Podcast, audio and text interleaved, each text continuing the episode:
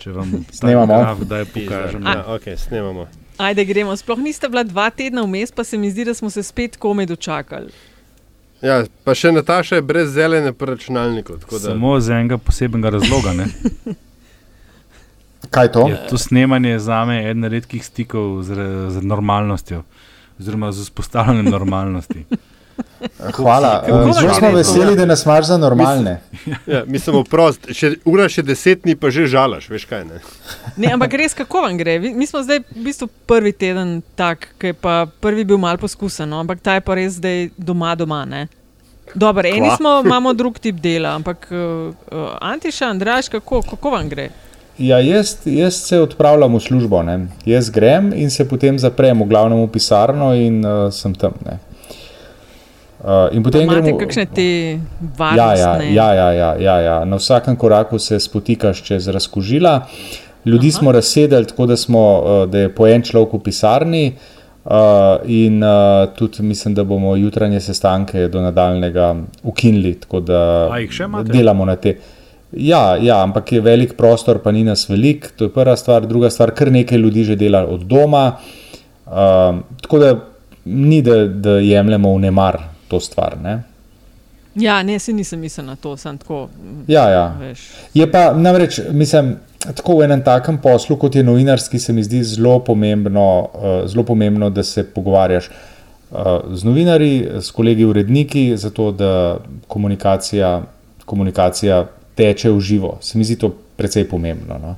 Mm, Andraž, vi pa na Zoomu, zdaj ta teden, zadnjih deset dni ali pa en teden, no, je sam izziv sprejet ali pa vsi fotke Zooma pa ostajo. No, škaj, mi smo že kar dosti zgodni. Takoj, ko je bil outbreak v Italiji, smo se začeli pripravljati. Vendar le smo raziskovalci. a ne. Um, jemljemo, jemljemo statistiko in, in trende zelo resno. Tako da smo se, IT naš je bil res kapo dol, pripravil vse stvari. Mi smo imeli vse ljudi pripravljene, še predno je Šarec sploh rekel, e od epidemija. Smo imeli že vse, vsa delovna mesta pripravljena, zato da lahko delamo od doma.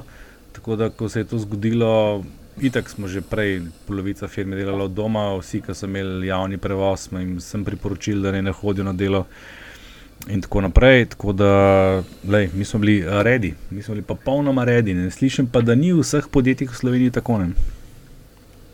Hmm, ampak niso vsi tako dobri, kot te, kjer je Andraš prni.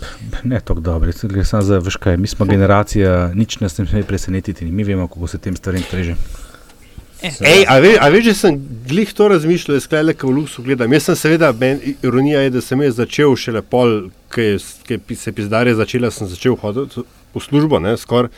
Nekaj imam tale uh, gig na Ara City tukaj, radio in je tako, veš, vsi so tako malo živčni, ne vejo, kva bi pa tako. Te pa ta stara socialistična šola, tako ne, pogojni refleks se sproži in reče, aha, v redu, zdaj to je tako, kot je stara mama čas govorila, komovc, roka, ne umiva, veš, tako nekako domače vse skupaj. Mm. Jaz sem ta teden skoraj recimo policijo uh, klicala, ker so se sosedi nad mano, sem mislila, da se bojo sklali.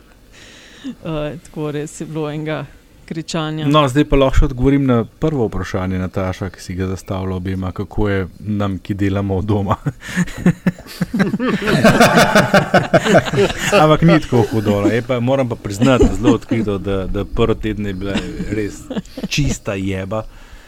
Jaz sem nekaj časa razmišljal, pa se ne, kva, se dela od doma, se to je moj modus operandi, se to ni nekaj tasga. Ne. Sem pa pač mal pozabil, da to delam ponavadi sam ali pa kvečemo z mojo drago, ne pa še mm. z dvema ali kaj celo s tremi, od tega dvema šolarema in prejšnji teden je bil izziv. Ja, načka, mi kar štartamo, ne? da je Andraš ali Aljaš ali Antiša, da je špico. Pred nami je časna naloga. Veliko pa je tudi drobnih, a prijetnih stvari, za katere dolgo ni bilo časa. Ker se jebi ga, nekdo mora boriti za otroke. Več afer, kot bodo sproducirali, bolj bom grizla in sekala lovke. Ugotovljeno je, da gre za prevaro, da ta prevoz in teh 3 milijone mask ni nikoli obstajalo. Mi nismo ničesar plačali, tako da eh, v tem primeru zagotovo ne gre za goljofijo. Pa bom spet eh, s prispodobo udaril, da ne bo eh, izpadel nekonsistenten. To je LDGD, podcast, ki nikogar ne podcenjuje in ničesar ne jemlje preveč resno. V imenu svojih najbližjih in v božjem imenu vas pozivam na lov. Te razprave ne bom nadaljeval, pa ne zato, ker ne bi bil poguben, ampak zato, ker uh, nisem neumen. Se pravi, da ga dam, podcast, ki nikogar ne podcenjuje in ničesar ne jemlje preveč resno, še posebej ne politike, vaši gostitelji PAM, Aljaš Pengal Bitens, Radio Chaos, Antiša Korjan, Primorske novice, Andraž Zorko Valikon in Nataša Briški. Metina lista, glede tem smo rekli, a ja, seveda. Joj, ne spodobi se, ampak mislim, spodobi se. Uh, spremljamo na ključniku, ne? LDGD, kar nekaj aktivnosti je bilo od zadnje epizode. Um, pohvale, pripombe, kritike, vse to na infoafnametina.com, uh, pa tudi na Twitterju, Afna Pengovski in Afna DC43, pa Afna Andrazus, ne? pa Afna Antisa Korjan, če bi kdo nas želel pocukati za rokav, sicer pa uh, hvala za kritike, pohvale in uh, tudi za ocene, ki nam jih dajete na spletu, in uh, donacije ter podporo vsebinam, uh, ki jih ustvarjamo. Zdaj pa, um, Aljaš, smo rekli teme, uh, ukrepi za zajezitev škode gospodarstva. Čak, pisa, moram pa isto pogledati, nekaj sem si zapisal, da pa ne imam telefona. Ja, ukrepi, seveda, ukrepi, pa yes. kaj še. Uh, pa smo rekli tudi, da pogledamo malo, kaj delajo štiri predsedniki, tudi oni so izredno sestankovali. Um, ja, pa ne moremo. Kisik. Ja, vmes bo seveda pa tudi ta, še enkrat se bomo vrnili k 37a člen zakona o obrambi. Ja, oziroma širše pač vsa ta pojačanje represije in tako dalje. Ampak Ali, ja, to je v božjem domačem družinskem krogu rečeno tako imenovani aljažev člen. Ja, ja, haha. Yeah. Ampak, ja, grej, pisa, sem imel prav, da bom mater. Uh, Kukorkoli, uh, resne teme za resne čase, z skoraj da resnimi sogovorci in pa obje, objekti obrekovanja, ki kot ti, Nataša, rečemo na začetku, jih ne jemljemo preveč resno. Povzetek gospodarstva, ne? točka gospodarstva, uh, se pravi sprejetjem ali pa se vsaj najavlja širok nabor ukrepov za pomoč gospodarstvu, podjetjem, prebivalstvu, od sofinanciranja plač za delavce na čakanju. Samo zaposlenim naj bi država krila uh, prispevke do 31. maja, nekateri upravičeni do UTD-ja.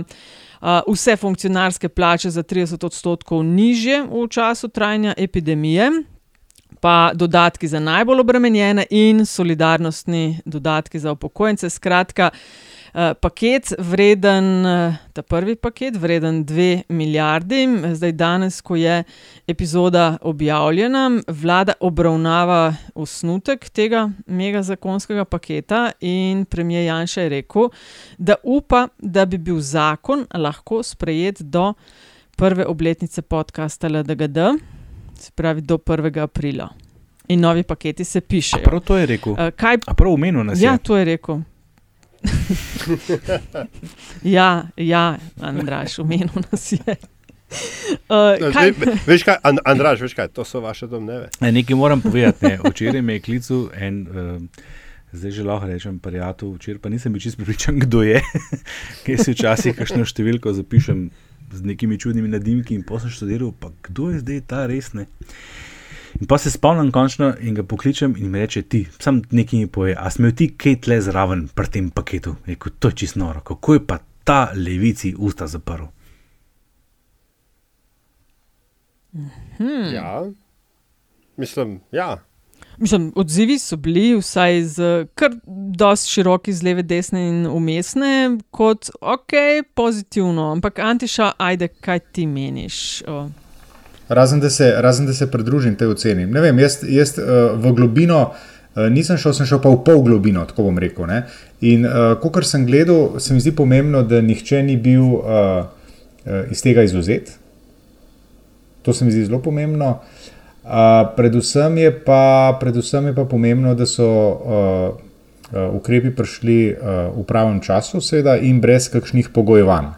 V tem trenutku, pač, glede na to, da mi ne vemo, mi v bistvu ne vemo, koliko časa bo vse skupaj trajalo, mi ne vemo, kaj bo za seboj to potegnilo.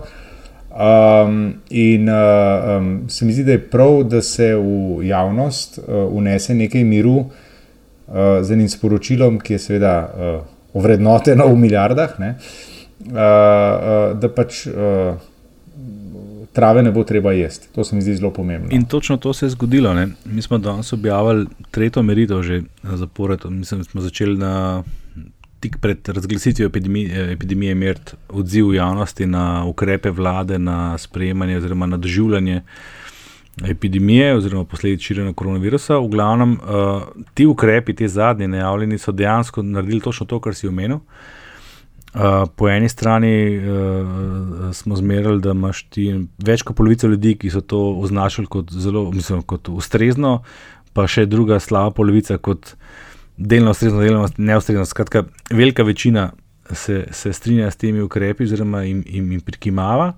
Hkrati se je pa zgodil bistven preobrat, to je pa tudi mene malo presenetilo. Uh, 14 dni nazaj, ko smo prvič to zmerali, je bilo še uh, praktično skoraj 90 odstotkov, tam nekje čez 80, pripričanih, da gredo stvari na slabše, na splošno v zvezi s širjenjem koronavirusa. Dva tedna kasneje, se pravi dva tedna, odkar je nova vlada, je takih samo še 43 in danes je zgodil ta, oziroma zadnji teden, ta preskok, oziroma preobrat, da je zdaj več tistih, ki pravijo, da gre stvari na bolje. Skratka, ta najava teh ukrepov, če prav razumeš, niso čisto sprejeti in ne v fazi realizacije je pomirila ljudi. In to je zelo pomembno v tem trenutku.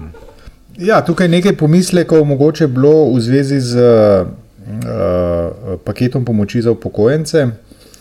Uh, upokojenci vendarle v resnici, ne, se, za njih se uh, v tem smislu na strani prihodkov uh, ne spremeni prav dosti. Ne. Jaz razumem, da se da bodo tudi oni v stiski, oni bodo morali uh, uh, verjetno kakšne stvari kupovati drugje, pa dražje, pa tako naprej. Ne? Ampak edina stvar, ki ni bila povsem razložena, vsaj jaz nisem zasledil, je, bila, je bil ta paket uh, upokojencem. Na to sem se jaz kar hitro odzval, tudi na Twitterju, dva dni nazaj, ker sem zaznal nekaj teh pomislekov, kar nekaj je bilo, sploh od, ponudni, od nekoga, ki dela pri ponudniku prehrambenih dopolnil. Tam sem še posebej naježil. Uh, veš, kaj sem doživel? Uh, 14 dni nazaj, jutri bo 14 dni v petek, tudi takrat, ko je bilo jasno, da gre za resne izredne razmere, sem se v Merkatorju soočil s par predstavniki teh upokojencev, ki so prišli v trgovino za svojo običajno malo vrečko in nakupovali svojo običajno dozo enega mleka, enega kruha, enega kosa, ja. precej slabega mesa. Ne? In uh, moram priznati, ko zelo odkrito zdaj pred javnostjo pa je bil še en drug dogodek, zakaj mi je šlo pa malo na jog v vrtu. Um, a veš, takrat sem začutil, kako mora biti tem ljudem, ki so zdaj sami, ki si približno ne morejo prvošiti kupiti takih zalog, kot si jih lahko ena normalna družina eh, zaposlenih ljudi. Ne? To je prvi pomislek. Ne? Drugi, in seveda, ne, drugi je pa ta, ne, ko pa pridejo pa vsi in po, po, poberajo vse zaloge, in bog ne da začnejo kakšni ponudniki cene zviševati so še slabši situaciji. In tretja stvar, ne, v eni fazi bodo tudi oni morali uh, kupiti maske, ki jih še ni, in razkožila, ker so najbolj na udaru in bodo morali hoditi v trgovino, ker so pred sami doma. Nimajo vsi te pomoči in tudi to nekaj stane. Tako da, ja, ja, se mi je zdelo, da je to vse to samo omenil. Pa, pa sem na koncu, pa, tako da bo pa res mir s tem ne, še relativiziral. Ne. Ta dodatek je enkraten, solidarnostni za pokojnice in znaša uh, nekaj čez 60 milijonov, oziroma dobre 3% celotnega svežna vseh ukrepov. Ja, ja. Prosim, uh, ne, veš kaj je, ti ljudje, ti ljudje seveda, se, to sem omenil, ne, oni bodo recimo morali naročati stvari po, uh, uh, to, kako se reče, spletni prodaji, namesto da bodo šli v svoj, svoj diskontni, v svojo diskontno trgovino, naprimer. Ali bojo pa jim morali taksisti pripeljati stvari domov. Se strinjam, vem, Samo neke, neke razlage pa nisem zasledil, to je vse. Meni se zdi to obešanje na, na, na 3% tega svežna čist nepotrebno. No, jaz bi tukaj nekaj drugega dodal, ne, da ne izgubimo čist zgodovinskega spomina. Časovnica tega je bila zdaj malce mal drugačna. Uh, ukrep za upokojence je bil parcialni ukrep, ki se je zgodil med prvim počivalškovim paketom, ki je bil vreden milijardo, ne dva tedna nazaj, Uh, in pa zdajšnjim, da rečem, Janša, Lahovnik, karkoli že uh, paketom, tem ta velikim. Vmes so se pa zgodili upokojenci. Uh, in uh, se pravi, ta jeza, ki je bila, ne, je bila predvsem v smislu, za upokojence imamo, za samo zaposlene pa nimamo. Takrat je še veljalo, da so samo zaposleni nekako prepuščeni dobesedno sami sebi. In je eh, šele zdajšen ta paket, ki, kot si pravilno rekel, Andraš, še ni uh, oblikovan niti kot zakonski predlog, vlada to dela as we speak, um, je, uh, ne, se, se mi zdi dovolj široko ne, zajel populacijo, da je uh, imel ta nek šok in o efekt. Ne. Meni se je zdelo pri pred, uh, tem dvomilijardnem paketu vredno predvsem to, da je naredil, ali pa saj obljublja, da bo naredil več, kot nujen, mislim, ko, kot bi bil minimalni higijenski standard. ne. Vem, da so različno mnenja, pa tako, ampak se mi zdi, da je šla vlada, da- so šli pred- predlagatelji preko tistega minimalnega truda, ki bi ga nekako cinično pričakoval od vlade, češ, evo, klele imate par drobtin. In se mi zdi, da je to mogoče tudi lekcija, ki so se jo, upam, da naučili iz krize 2008, ko smo dolgo časa, leta in leta, delali tisto najbolj nujno, kar je bilo za to, da smo ne vem, nekaj pokrili. Pa, pa ne vem, pa ta zakon, pa un zakon, pa tam smo uh, malo odrezali. a Veš, Ja, ja. Šele potem, ne, Am- a, a še, še, eh, š- na- a veš, na kaj sem se spomnil, sorry, samo to končam. Na Alenko Bratošek in Uroša Čufarja, ko sta ona dva na, najavila tisti bailout ali bail-in bank, ne, je bilo to preko tisto nuj, nujno potrebnega denarja, ki ne bi ga takrat rabili. Takrat so bili potem, ne, takrat so bili tu investitorji uh, glavno merilo, so bili pomirjeni. Se takrat z enimi parimi govorili, so rekli, evo, to, kar smo videli, to nam je všeč.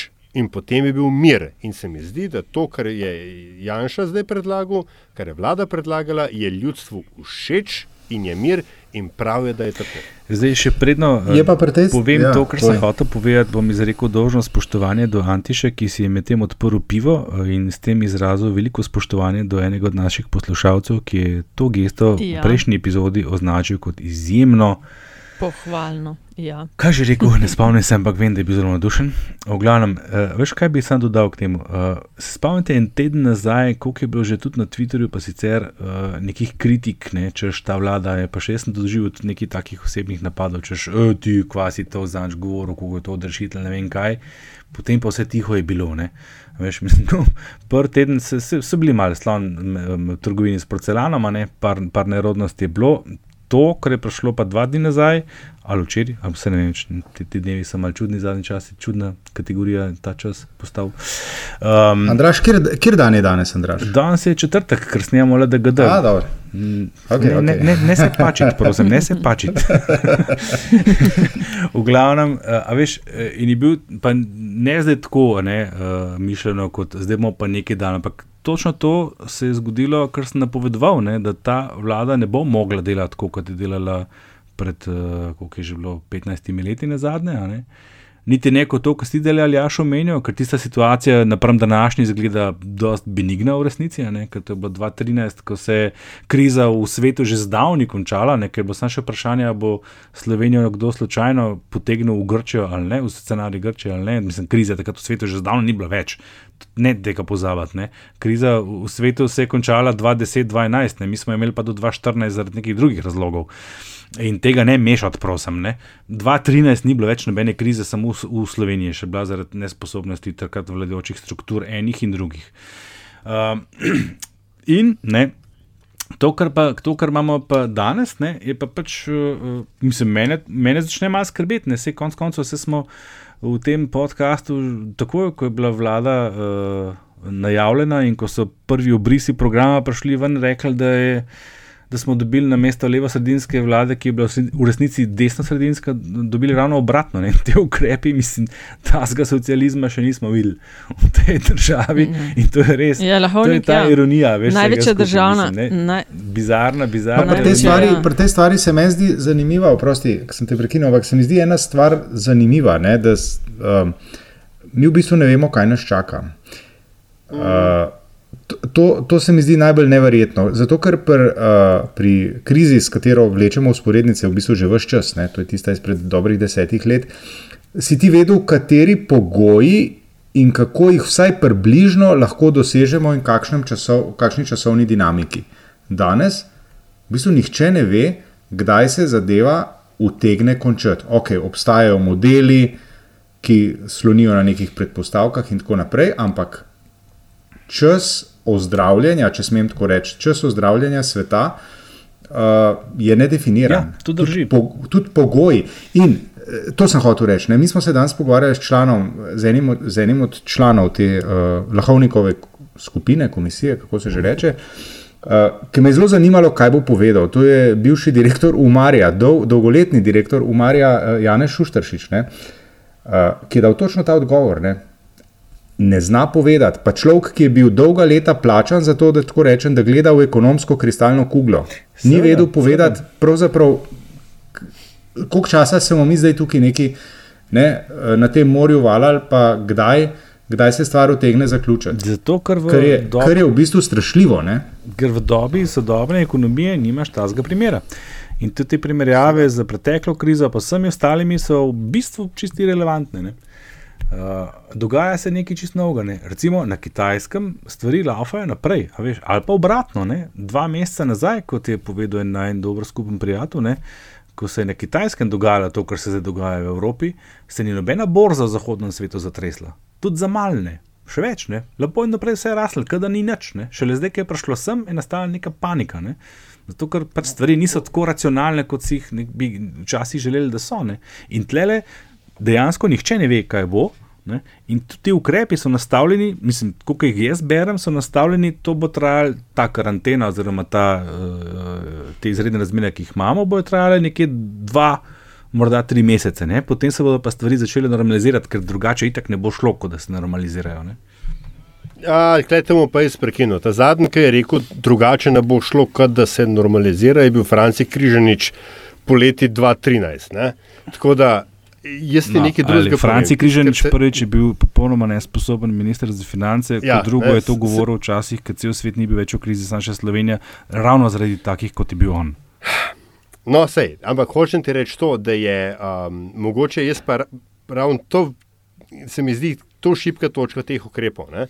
da pač gledajo za dva, tri mesece naprej, potem, ne, ko bo pa sej ko se bo to iztekalo, tudi če se pandemija vmes neha, oziroma da recimo konec epidemije v Sloveniji, jaz mislim, da, uh, kot ste rekla, če se takega še nismo videli, gledal sem bral, kaj da ne bi bil uh, ne, neke napovedi za padec BDP-ja v Sloveniji 100 do 25 odstotne. Moraš povedati, da spodno mejo, če to omenjaš.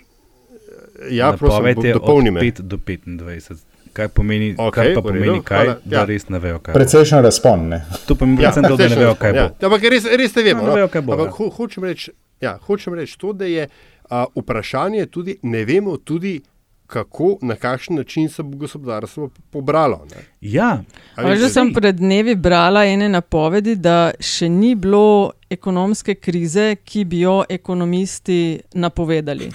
Skratka, ne, to, ne, ne, ne, to ni res. Ekonomisti so napovedali pet od zadnjih štirih ekonomskih kriz. E, se ni point o tem, da gre samo za to, da veš, tle, to ni, kot se reče, aljaš, nihče ne ve, kdaj bo konc pandemije. Pandemije, sej ne bo konc. Razumeš? Vse ne bo, ne bo ja. kot so morda ljudje pričakovali 14 dni nazaj, da bo 14 dni spet šola, ko so rekli, že za 14 dni, oziroma da nadaljnega ustavljamo šolo. Ne bo je konc. Tle gre samo za ustavljanje outbreaka, ne gre za, za zdaj bo pa, ne vem, čez en ja. mesec posega konc. Ne bo, ne, ne bo konc, zato ker ne bo virusa, s katerim se bomo vsi na svetu cepili, do takrat ne bo konc. Pa tudi takrat vprašanje, če bo konc, ker ne veš, če se ne bo nov pojavil, ne, s tem bo pač treba živeti. In tle bo slejko prej treba potegniti to črto, kdaj smo mi to krivuljo spravili, to kdo dol, da lahko zdaj pa začnemo normalno živeti. Recimo Švedska počenja zdaj en eksperiment, ki se mi zdi zelo zanimiv, kjer so šli na, ta, na, na to fizično oddaljenost od ljudi, ne vem, če ste zasledili. Ne?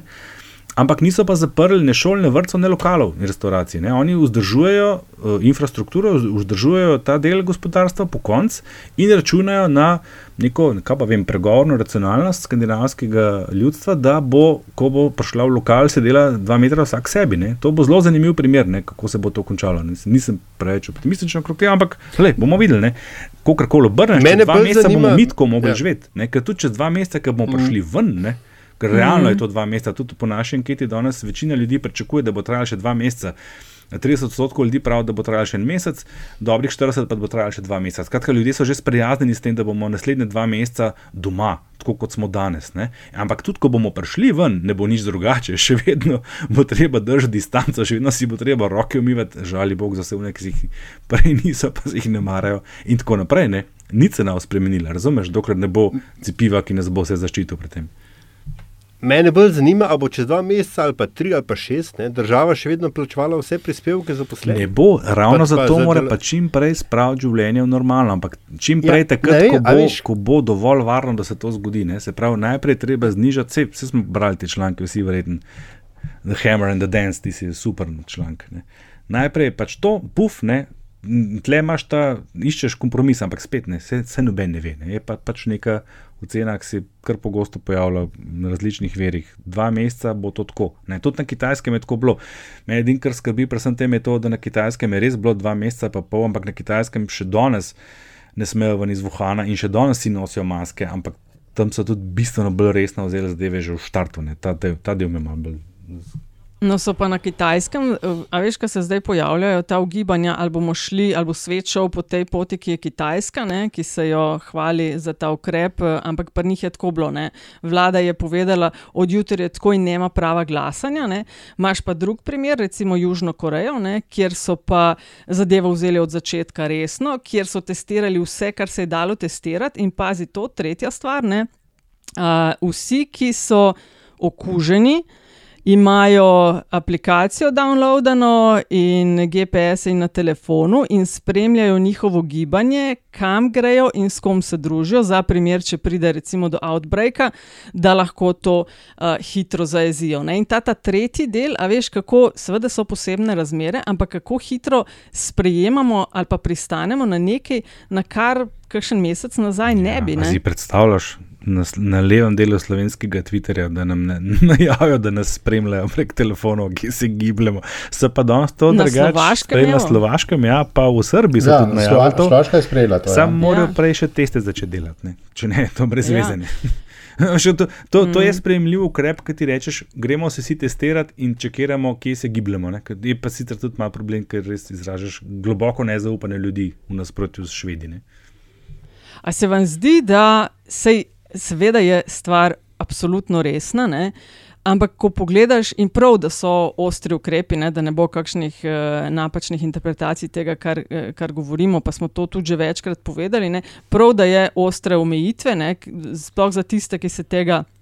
Uh, tega ne jemljajo dovolj resno, ampak v času, ko objavljamo to epizodo, ne, je približno 25 tisoč mrtvih. Ne? Valjda 25 tisoč preveč. Za veliko večino teh, ki so umrli, smo poslušali, kako so bili zelo starejši in kako so že imeli neke kronične bolezni. A se vam zdi, da je vse, cel svet zajela neka histerija, ker 25 tisoč smrti, še enkrat, 25 preveč, ampak niso to milijoni, niso to 100 tisoči.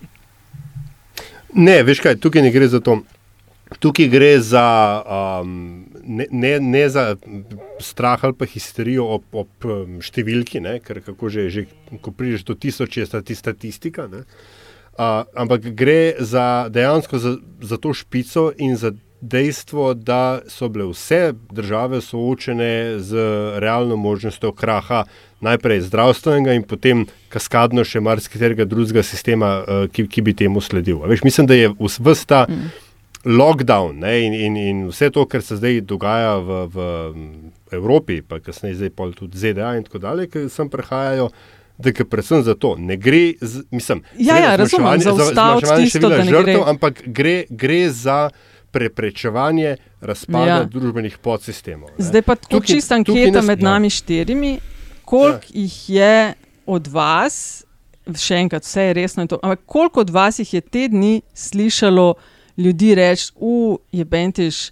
Virus, bojim se, da bom jaz zdravstveno to dal čez. In kakšen je bil, recimo, približno od oka čez prst, odstotek tistih, ki so rekli: Pišo, kaj skrbi me, kaj bo pol, a bodo službe, kako bomo pol gospodarsko šli Ni naprej. Treba, da govorimo od oka, ker imamo vse te podatke.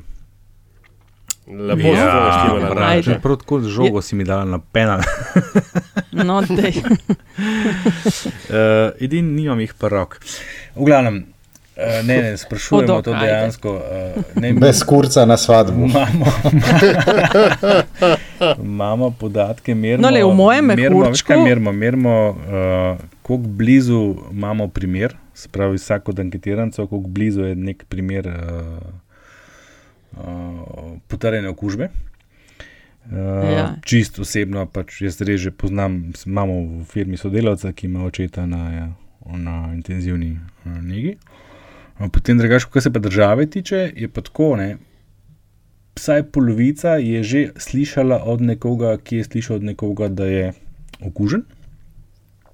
Uh, kar se pa tiče skrbi za lastno zdravje, je pa približno četrtina ljudi prepričanih, da, da njim ne bo nič, da ne sodijo v rizično, samo četrtina, ne, Nataša. Zdaj tam naprej ne bom preveč na pamet govoril o odstotkih, se bomo kmalo objavili. Je pa kar še kar en lep delež ljudi, ki pravijo, da niso čist prepričani, ampak bolj da ja, da so rizični. a Veš, tako kar nekaj ljudi je v strahu. Sam, okay, to eno je, da smo rizični, drugo je pa, da doma sediš v kotu in te skrbi, kaj bo ta virus, ali te skrbi, Ne. koliko bo gospodarstvo naprej. To, Pa saj to se ne izključuje. No, to, to se pa, hvala, ja, to se ne izključuje. To smo pa tudi danes objavili, da se pa po našem mnenju, čeprav razlike še niso statistično značilne, ampak se mi zdi, da se obrača trend, še vedno je absolutno na prvem mestu skrb za družino, za osebno zdravje. Se pa povečuje delež tistih, ki jih skrbijo gospodarske posledice, pa med zaposlenimi tistih, ki skrbijo vso delovnega mesta, čeprav še enkrat razlike niso značilnejše, ampak je pa glede na to, da so si pri vseh treh teh spremljivkah, ki to merijo, obrnile v to smer, imam občutek, da gre za trend, da smo nekako počasi začeli sprejemati to kot, kot na, eh, prebivalstvo, da, da sprejemamo novo stanje. A krizo gospodarstva. Ne, ne, ne, vse skupaj, Aha. veš, novo stanje, novo stanje, to, o čemer sem prej govoril, ne, da se začenjamo privajati, eh, da se začenja ta obrat. Veš, to je prvi teden je bil res šok, ne, po, po tistem Ja, ja, ja. umirjanju, ko so nas eh, iz NIJZ-ja še ne vem koliko, en teden pred, pred uh, krizo prepričevali, da so maske popolnoma nepotrebne, ker je bila največja možna zavajajoča laž, ki so jo lahko ljudstvu razlagali. Uh, zaradi tega, ker veliko ljudi danes brez tega in je nujen pripomoček, seveda, za, za v trgovine in tako naprej. Uh, do tizga, tiste eskalacije, ki je šla iz parih dni, od vse ni nič do epidemije, imamo. Ne? Uh, Mhm. -huh. Od tam naprej, a veš, pa je bil pa šok, ne? in to je bil šok, seveda, ker so nas mirili. In od tistega šoka je trajal do zdaj, to je, to je pa že skoraj dva tedna, da šele zdaj lahko rečemo, sodeč po naših podatkih, da se ljudje počasi prilagajamo na nove razmere. Trenutno imamo razmerje pol-pol, mečkaj vseeno v pri tistih, ki stanje trenutno že dojemajo bolj pozitivno kot negativno, v smislu je težko, ampak se navajamo. Ne? Uh, in da se bodo stvari začele pač počasi normalizirati, ker itak druge mm -hmm. možnosti ni. Veš, to, to je treba Bo pa sprejeti. druga normala to, to, to, tako, to, je, to bo postala nova normalnost in že postaja. In se vidi na vseh indikatorjih, ki jih spremljamo, in tudi zato jih spremljamo. Ne, ne samo zaradi tega, da, da lahko to objavljamo, ampak zato, da dajemo informacije in signale vsem, ki so tle upleteni, predvsem gospodarstvo. Ne, veš, mislim, pač tle ne smemo klecati. Ne. Gospodarska kriza, če bo, bo zaradi tega, ker bi klesnili zaradi pomankanja informacij, ne pa zato, ker bi bila res kriza. Na kitajskem gospodarstvu laufa nemoteno, to moramo vedeti. Sam, jaz A, um, jaz bi te- mislim, sej, ja. Nataša je prej že omenila. Jaz mislim, da je vendarle ne moramo, ne moramo Kitajske, pa tukaj bi rekel zahodnega sveta, primerjati zaradi res različnega odnosa do državne avtoritete na eni strani in na drugi strani do teh osnovnih človekovih pravic, svoboščin, ki jih pač tukaj imamo in ki nam razmeroma veliko pomenijo. Ne. Tako da Kitajska je res. Je, Je pač en specifičen primer. ne. Kitajska ima sistem, kakršen ga ima, mi imamo sistem, kakršen ga imamo. In je težko to primerjati, po mojem. No, Uh, mislim, je res, da da lau- ne. je- je pa- je- Seveda je res, da laufa. Vprašanje je, če bi na Zahodu, se pravi pri nas, v Evropi, recimo, ne, če bi v takih razmerah, kot jih imajo na Kitajskem, sistem že začel normalno funkcionirati. Jaz Ja, ne poznam bi- ne, dovolj mislim, veš, v- kitajskega sistema. Uh, ampak dopuščajmo možnost, da tam stvari laufajo malo drugače. Ja, seveda, laufa je drugače, zato ker so enotna država z milijardo plus prebivalcev, ne? Evropa pa pač ni enotna Evropska unija, to se je zdaj res dobro pokazalo, ne je verjetno kakšna dobra tema za vaju dva, Aljaš pa Nataša v Evropski četrti. Ja, kaj hočeš Kaj po- se kaj- dogaja? Ne, 28 Evrop imamo, ne? 28 Midva držav, ki si med 27, sabo ja, eh, zapira 27. meje in si ne deli Ja. pomoči. In, No, no, ne no, vem, no, ne vem. no, no, Andraž, veš kaj, tu, Maske pa zdaj pa tako, že kle- ne vem. Ne vem. Ve, Ja, ve, veš ja. kaj, že, že tako, že pri maskah si klele. O, o, Ne vem, ne vem. Na jezeja pa, ja, ne ve, točno tako, Ne vem, ej, ne, ne veš. ne. Lej, berem, Ja. lej, berem. Nisem, to, to nisem Ja. ja. skril, to mediji pišejo. No, v glavnem. Ja, Glej, glej, no, o tem bi samo glej, tole- Ja, no, nekaj- kaj, ne, ne, ne, veš kaj, nekaj, Jaz glej, nekaj, berem, nekaj kaj. drugega. Prvič, prvič, World Health Organization še vedno pravi, da ti maske bolj, ma, da pa, pač ne rabiš maske nositi, če si A zdrav. še enkrat bom da vprašal, zakaj na vseh posnetkih na- iz Kitajske vsi nosijo maske? Zaradi njih samih, pa zaradi Ker so si eh, okuženi, pa ali z- kaj? eh, Ne, oni, mislim, pri njih je že kulturna, eh, se pravi. no, em, Lepo te prosim, pa, pa še Ne, meni ne, ne, ali kaj, Andraž, re, ne, ne, ne, ne, ne, je res, Andraž. Pa se jih vidiš po Ljubljani, ne, se jih vidiš kjerkoli. Ja, lahko eh, ne, skozi v nosijo Benetkah. Tabiziranjem Azijcev, ki nosijo maske. No. Mislim, dajte se malo poslušati. Ja, pa, po, mislim, okay, prvič to in drugič zaradi nasplošno slabšega zraka. Ampak, glej, dru, nekaj drugega. Sam to, Um, Andra, to- ali jaš to morava povedati, Ja. ko je že izval, ne, da naj nekaj narediva. Uh, predlaga v Evropsko četrt 46. epizodo, kjer govoriva ne o pandemiji in epidemiji, ampak infodemiji, uh, točno teh en kup uh, fake informacij, ki se širijo v povezavi z novim koronavirusom, in priporočava epizodo, ki izide pa v soboto in sicer Met in Čaj, ko smo naredili pogovor z vodjo konzulare na Ministrstvu za zunanje zadeve Andrejem Šterom. In Ja, ja, morate govori poslušati, deloma ja. ja. o teh stvareh. No, hot, hotel sem nekaj drugega reči. Ne? A veš, da ta evropska solidarnost, ki je sicer resnično na preizkušnji in stvari seveda ne laufajo tako, pač kot bi si človek. Uh, kot je bilo uh, oglaševano, da je tako reči, pa veš, pa vendarle je, ne? ker v končni fazi maske um, oziroma oprema zdaj se vendarle posoja, države, ki so si zapolnile svoje, svoje potrebe, jih tudi dajo naprej. Uh, uh, ECB je seveda tukaj imela nujno in ključno vlogo pri podpiranju predvsem italijanskega zaenkrat gospodarstva in se domneva, da pač imel, uh, imel tudi naprej. Skratka, a veš, kar reči, da te evropske solidarnosti ni, to je tudi malo boljše. Nisem rekel, da je, je ni, pa, je bistveno prepozno, to hočem povedati. Mislim, prepozna. Ja, Glej, le, uh, enkrat virus. Veš kaj, nekaj se Evropsko, A veš. veš kaj, kaj se na Evropsko unijo kaže s prstom, ne, Evropska unija je 27 držav. To ni tam, da nekdo ukaže vsem tem 27 državam, kaj bodo od jutri Ja, dalje delali. No, se to je to, kar je Ampak je Antiša rekel. ne. To kjer je to, se- kar je Antiša rekel. Tako, Pač le je velika razlika. Ne. Kitajskem je to zelo enostavno. Ne. Tam eno mesto je izbruhnilo, so zaprli Lej, mesto, so no, zaprli je živeti na konc. Kitajskem. Je Nisem tako, rekel, da je to neke sanje V enih- razmerah je pač boljše. ne. Tam se je pač stvar omejila in bo stvar laufala naprej. Tle pa se ne bo. Tle Ja, bo pa, kle bomo pa tudi tle pa omejili. Nataša no. ne bo samo Pa- 25 tisoč mrtvih, če se vrnem na tvoje izvorno provo zelo provokativno Se vprašanje. nisem rekla samo, Ne, ne, ne, sem rekla samo, 25 omenila tisoč si jih, preveč. Vem, razumem, ja, ampak bistveno več jih bo, bistveno, bistveno več. To, to, to je šele začetek, to moramo razumeti. To, tle ni, to, to se je šele začel. In to razumem, Ja, ampak pol hočeš tudi- in pol napovedati, je, da da bo bodo samo dva milijoni. meseca. Imaš zdaj lepo soočenje na eni strani. Uh, ne, pa se ne bo trajalo samo dva meseca, tudi pa, ko bomo šli spet ven, bo, bojo še vedno ljudje okuženi in še vedno se bo to širilo in še vedno bojo umirali, sam kot bi rekel v normalnih kva, razmerah ali kaj za, za novo normalnost. To se bo, to se bo dogajalo, to, to, ne, to se ne bo nehalo. Ne? Zdaj imaš pa ne stran Kitajsko, ki pač tle, tem danem primeru te epidemije moramo dve stvari priznati. Paniki so imeli prav, pa Kitajci so imeli prav. In to si bomo mogli priznati. Lej, Demokracija je pa začetku tle so, fejlala na kot se dobro spomniš, to se pač ampak kot se dobro spomniš, kurac na je, da demokracija fejlala? Ja, ja, lepo ja, prosim, no. poglej mi, Ja. dragi moj ZDA, ki bo imeli čez dve ure več pretorjenih okužnih primerov kot Kitajska. To ti je najboljši primer fejlane demokracije. oprost, to, to country. nima zveze z da demokracijo, to ima zveze z. Niso oni to najbolj demokratična država. To z demokracijo, ampak ima zveze, kako imajo organiziran zdravstven Tako, sistem ja, in ima vezo to. s tem, kdo je na čelu njihove države, ki je najprej zanikal, da se to dogaja, Tako. potem je obtoževal vse druge, tako da to zdaj pa izjavlja, demokracijo, no, da bo že čez je. en teden, da bi rad za veliko noč videl, da se vsi Ne, normalno Aljaž, družijo. Tako da s tem ima to vezo. Ima vezo z demokracijo. Avtokracije O- so tle šle bistveno bolj skosno, razen Irana. Okay.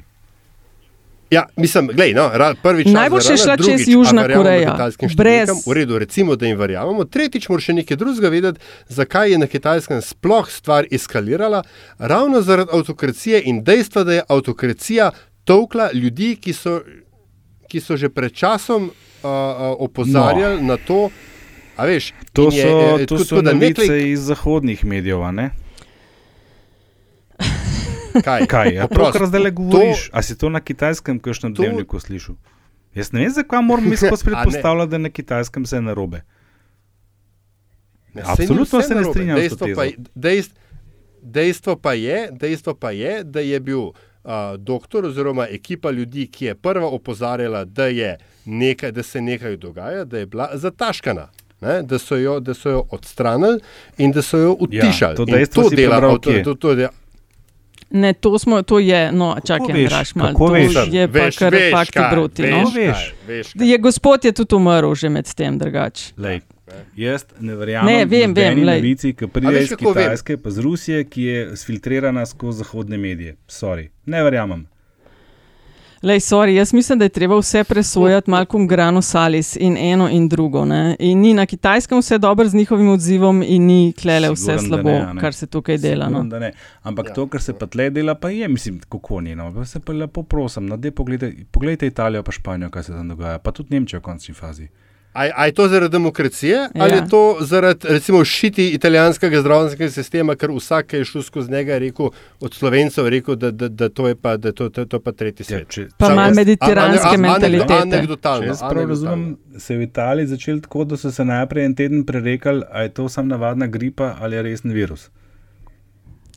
To je demokracija, ne? Ja, in ne, ni, ne? to je pač prerekanje. Ja. Okay, zdaj smo zmeli konc, ni, ni več demokracije. demokracije, ule, da ga dajo. Gremo na naslednjo temo, pika.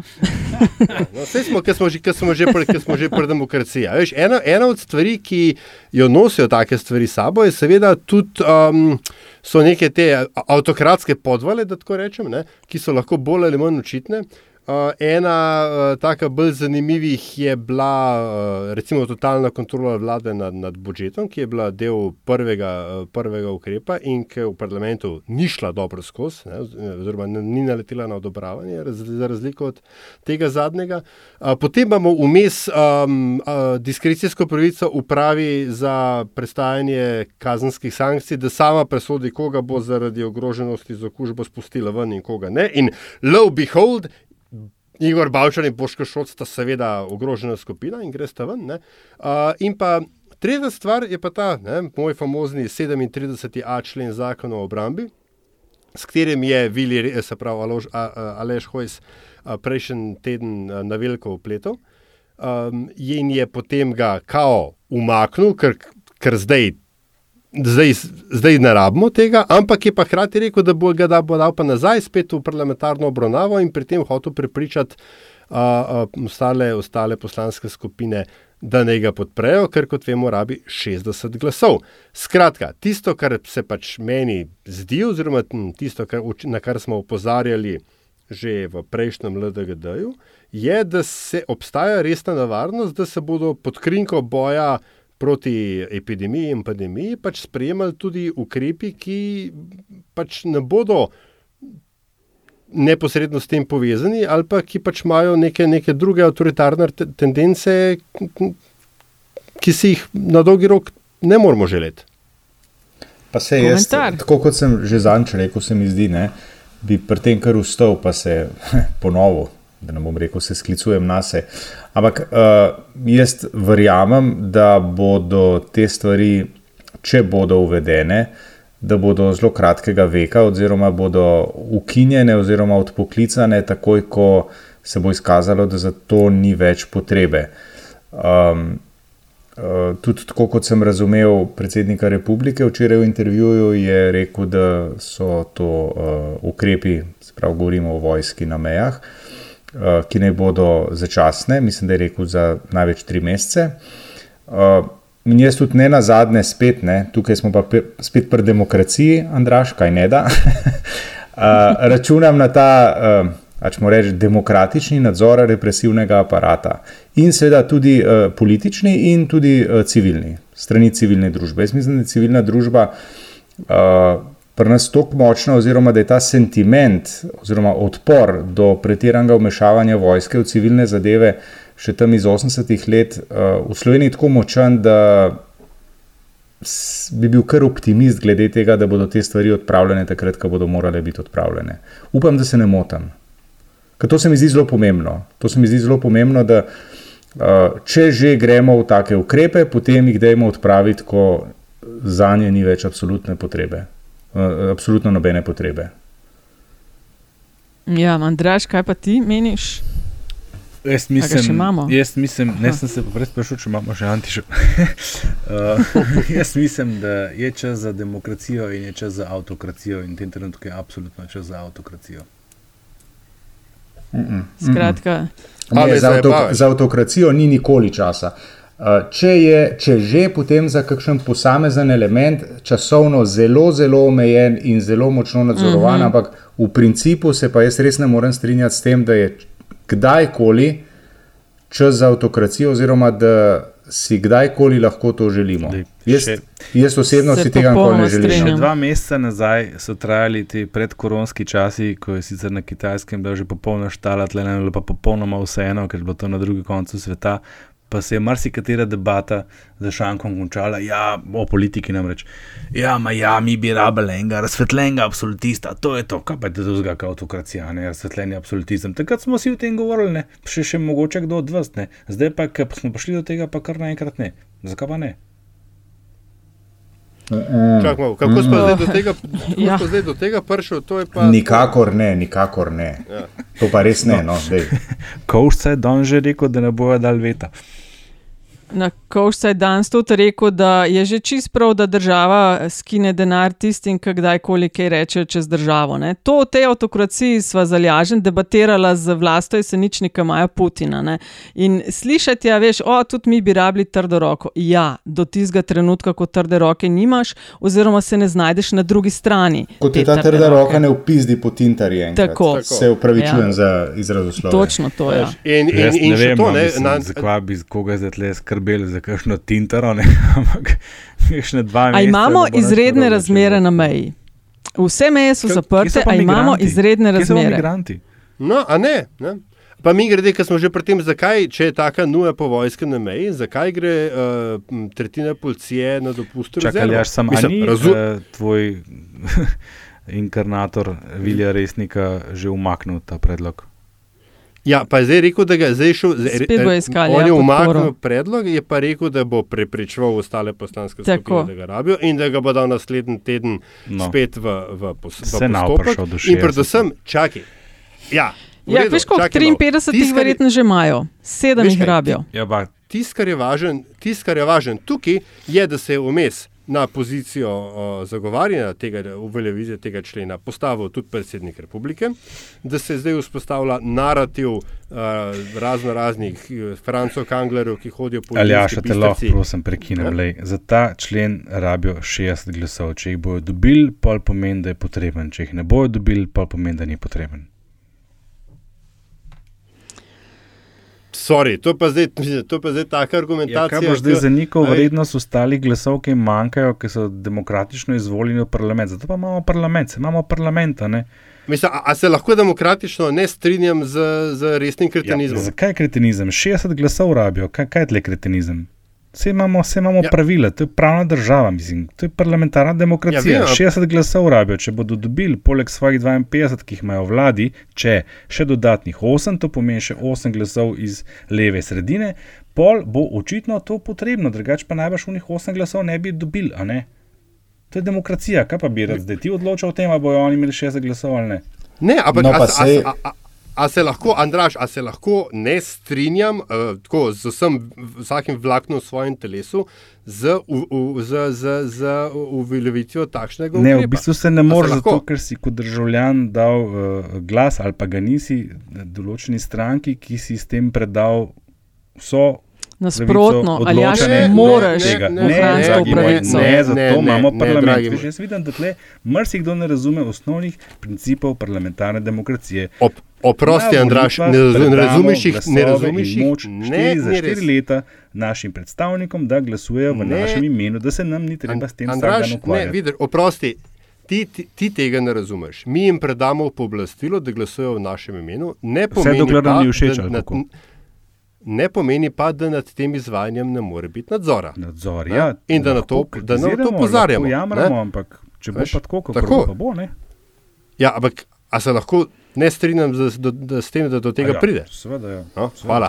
Ampak se, zdaj, se, mi zdi, da, se mi zdi, da zdaj smo šli v eno smer, uh, uh, ki ni najbolj produktivna, bi rekel, na enem sestanku. Ja. ne. Ampak v Dajmo še principu, preden- ne, v principu sem to hotel reči. Vsi se lahko pogovarjamo, ali je to v redu ali ni v redu. Ne. Politika se bo odločila v skladu z lastnimi pristojnostmi. In mi bomo to morali požreti, lahko bomo izobesili zastave zaradi tega, lahko bomo ploskali temu, lahko bomo ogor, uh, ogorčeni zaradi tega. Ne. Tisto, kar se meni zdi pomembno, je to, da je ta stvar kratkega veka. Če že pride do tega, ponavljam, se vem, ampak meni se zdi to ključno. Ne. Če že to uvedejo, dajte to speljati v dveh, treh mesecih, potem pa hvala lepa na svidenje, vojska pete naprej dela tisto, kar ste delali doslej, policija, izvolite na meje, delajte, kar ste delali doslej. Tudi to bo ena od potez uh, normalizacije, o kateri smo se prej pogovarjali. Ne samo to, da gremo mi potem pa v službo, pa v restauracijo, pa nakupovati, pa na kavo v gostilno, ne? ampak tudi to, da vojska ne bo imela zvečanih pristojnosti, kakršne koli že to bodo. Jaz si res ne želim, da me vojska legitimira na cesti. To si jaz res ne želim. Ne? res ne predstavljam, da bo Slovenija uh, otok nekakšen spet tlele, kar naenkrat. Mislim, zakaj že? Veš, Kaj pa otok, o, otok česa? Prosim. Ne vem, česa že neke avtoritarnosti, ne vem kaj. Tako so se zadnji, zadnji teden vsi zgražali, češ kakšne ukrepe sprejema Janša vlada, o bog ti pomagi, demon nas je napadel, ne vem kva. Ej, kam on, dej, ozri se malo okrog sebe, a smo izjema v tem, a smo izjema, nismo. Imaš države, ki imajo še bistveno hujše ukrepe, nekomu se je zataknilo. Ja. Ne, a veš, mi dej, rečemo še poglej- kakšno poglej Slovaško, besedo, dve? Srbijo. Ne? Jaz ne vem, zakaj bi šlo pa pol v drugo smer, pa obratno, da bi pa, ko bojo pa vsi ukinjali okrog nas, da bomo pa mi še to kar držali. Zakaj mislimo, da bo tle pri nas bistveno slabše kot druge? Zakaj? V odnosu do oblasti je vedno treba pričakovati najslabše. To je pa res. Tle se pa strinjam. Antiša. No, evo, vidiš, Um, Andraš. Demokratično se strinjam. Dajmo demokratično še malo, če za besedo dve, preden gremo na zadnjih 30, eh, smo rekli še štiri predsedniki na pobudo eh, predsednika države, ki je sklical eh, izredno srečanje, so se za mizo usedli, se pravi predsednik države Pahor, pa predse- premijer Janša, pa predsednik državnega sveta Kovšca in predsednik eh, državnega zbora Zorčič. Govorili so o delovanju države v času krize in prizadevanjih za enotnost in usklajenost. Zdaj pa bolj kot to, kar so sklenili, ker deloma smo o tem mal že govorili, je, kako se vam zdi obnašanje, mm, delovanje teh predsednikov tako v širšem kontekstu tedni. Jaz sem uh, zasledila, recimo, okay, Zorčič je, je nov, je deset dni, dva tedna na, na poziciji, Kovšca že zadnjih nekaj mesecev je jasno, da se postavlja, um, mislim, ali pa je čist v taboru aktualne koalicije. Uh, Janša opažam, pustimo zdaj, koliko delajo, delajo ful in niso prišli v situacijo, ki bi jim jo lahko zavidali. Opažam ogromno invazijo in hudo invazijo na medije, predvsem na RTV. uh, Na STA, tudi v zadnjem času, od Pahorja pa uh, nastavljanje Devita Minčkom. Ja, mislim, uh, tako, kot se, tako kot bi se vlada lahko, uh, bi nam prihranila, oziroma sebi prihranila ta desant na medije, bi tudi predsednik republike lahko se sončil, pa tega ne priobčil svetovni javnosti. Uh, zdaj, kar se tiče, kar se tiče uh, današnjega pogovora, v bistvu je bil tako, kot sem ga jaz sem gledal potem tisto uh, tiskovno konferenco, sem spremljal. Se mi zdi, da je bila bolj predstava za javnost. Lahko, da so se oni dogovorili, ampak bilo je v funkciji ulivanja zaupanja, da tukaj smo, delamo in mislimo na vas.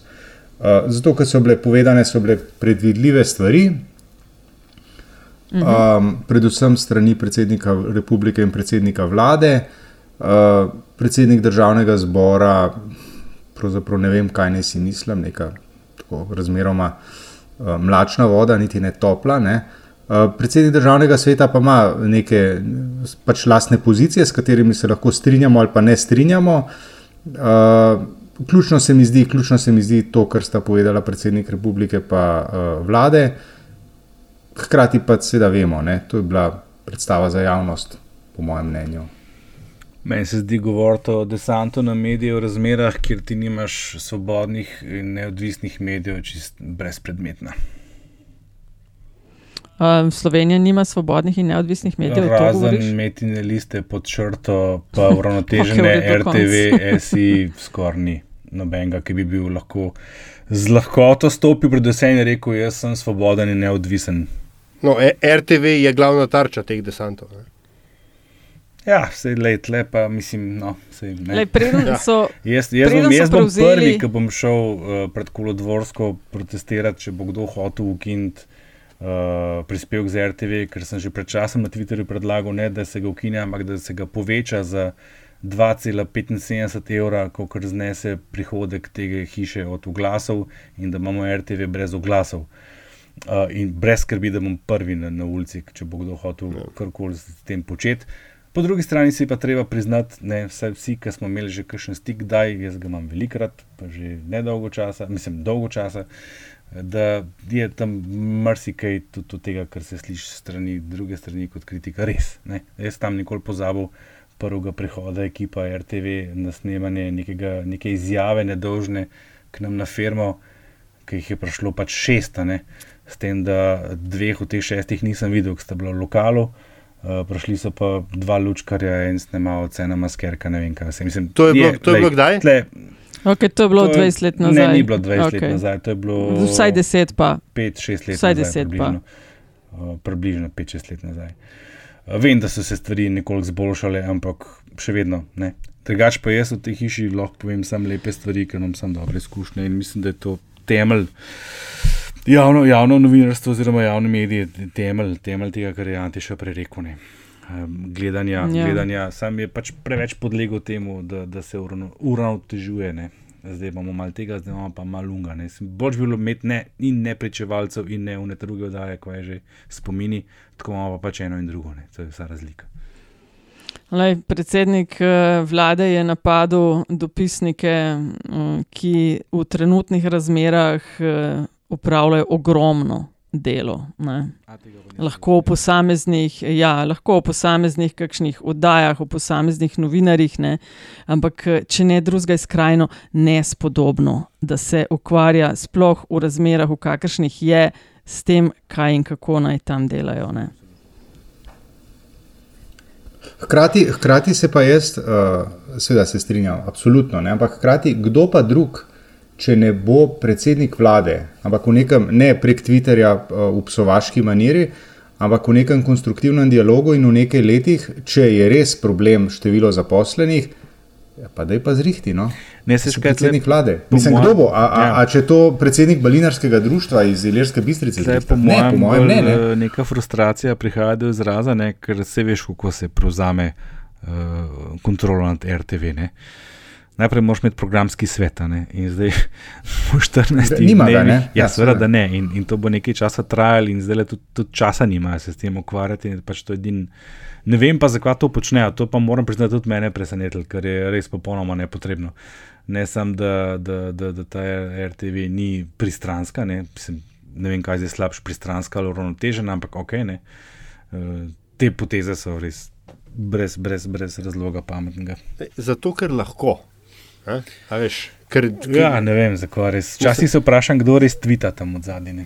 A veš, kaj, kaj ni, ni ideja, da bi naredili ne vem, normalnejšo, objektivnejšo, bolj profesionalno hišo, ampak je ideja svoje ljudi pripeljati, da se bo delalo tako, kot jaz hočem. Pa ti misliš, da se res To ukvarja zdaj? Jaz, jaz, jaz sem se to vprašal. Jaz mislim, da se- Kdo res tam jaz tvita mislim, da zdajle? se- Kdo, kdo tvita tam te stvari? Mislim, jaz ne verjamem, da to Janša sam tvita. Glej, deva, se, glej, se v končni fazi vsem, pod njegovim okay. brandom se javljajo, ne, a veš, Ja, in ja, Janša saj, in Janša se ja, tega fail, ne, ne fail. distancira. Ne. Tako Epic ja. fail, epic Tako fail. Mislim, Tle- veš, kaj ne na zadnje, samo zaradi tega, ker imaš tudi že, ne vem, imaš razvito, ki vsi označujejo kot uh, njegovo vel, veliko oboževalko. Imaš možino, ki ki imaš ne vem, kakšne vse tvite, mislim, da ne govorim, ne, z leve, desne stvari prihaja, dosti podobne. Ne. ne vem, zakaj bi nekdo z vsemi temi predstavniki, ki jih levica obtožuje, da so ne vem kva. Se tako spravil na RTV, to je meni čist nerazumno dejanje. Tako. Mogoče je bilo to samo. Pogledaš v čez mejo, tednu, ne. Mačarsko. To je prevzeti nadzor nad tem, kako se poroča o tem, kako delamo. Večino, Natanko za to. Rabiš večino, ne, Janša je pa nima. Ja. Še, Ne, še. ne? Ne, Mislim, imaš, ja. imaš tam v programskem svetu imaš predstavnike drugih strank, ki so tudi v koaliciji, eni tudi niso. Prevzeti tam nadzor bo kar velik zalogaj na ta način, ki so se ga pa lotili, če so se ga res tako, ali pa bo pa to, mislim, strelo koleno. Ja, ne vem. Ne. A gremo, ker smo kar že uh, dolgi, malo a, ena zadnjih ura. 30. Ja. A? Gremo?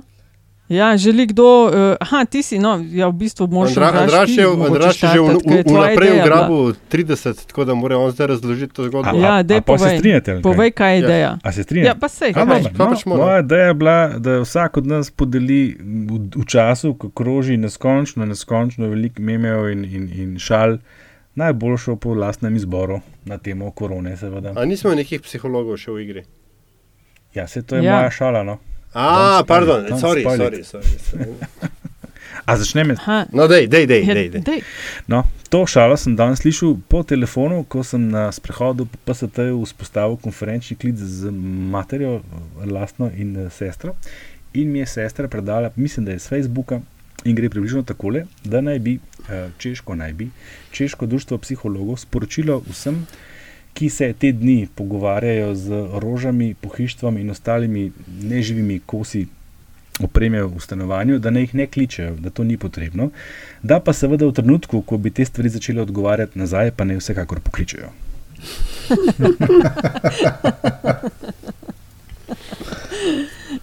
Antiša, Jo, jaz, jaz, nimam, jaz, jaz nimam nobene šale, tako da tokrat bom zelo kratek in bom predal besedo, ker res nimam nobene šale. Pa nisi ene okay. šale prebral na, na temo korone ali pa videl, ne morem verjeti. Prse, presežem, da ne, ker kot vemo, ne, sem zelo malo na družabnih omrežjih, družbenih, socialnih. opazil. Ja, no, jaz imam eh, enega kratkega, ker tedni jih res, Andraš, kot praviš, veliko kroži okol, ampak tega, ki sem ga zbrala, ta je bil pač na zadnje, ki me je nasmejal. Gre pa tako. Osmi dan izolacije, ata in mama se ločujeta. S kom naj ostanem? Matej, 41 let.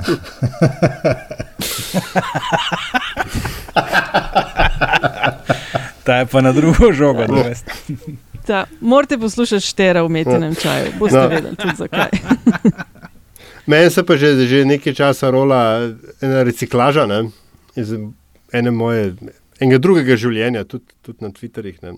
Skratka, uh, znano je, da se zdaj čaka Norisa, pozdravijo okužbo s koronavirusom, ampak je bi ga kalikan kol na joka. Same lepe. Meni ta Nataša Ja. mi, je, mi je zelo blizu. Ta Lušen, ta ja. lušen. Ja, lej, to je to za ta denar, ne, te dni, eh, drugače pa 1. aprila in to pa ni šala, ne, prvi rojstni dan praznuje vaš omiljeni LDGD. Uh, smo najprej rekli, če se prav spomnim, uh, gremo, smo se vprašali, kako bomo pa pol ugotavljali. ne. Uh, do zdaj smo 32 epizod, vključno z današnjo izdal, dve specialki, nekaj emergentnih. Uh, čin in še na mnoga leta nam želim in hvala vsem, ki nas poslušate.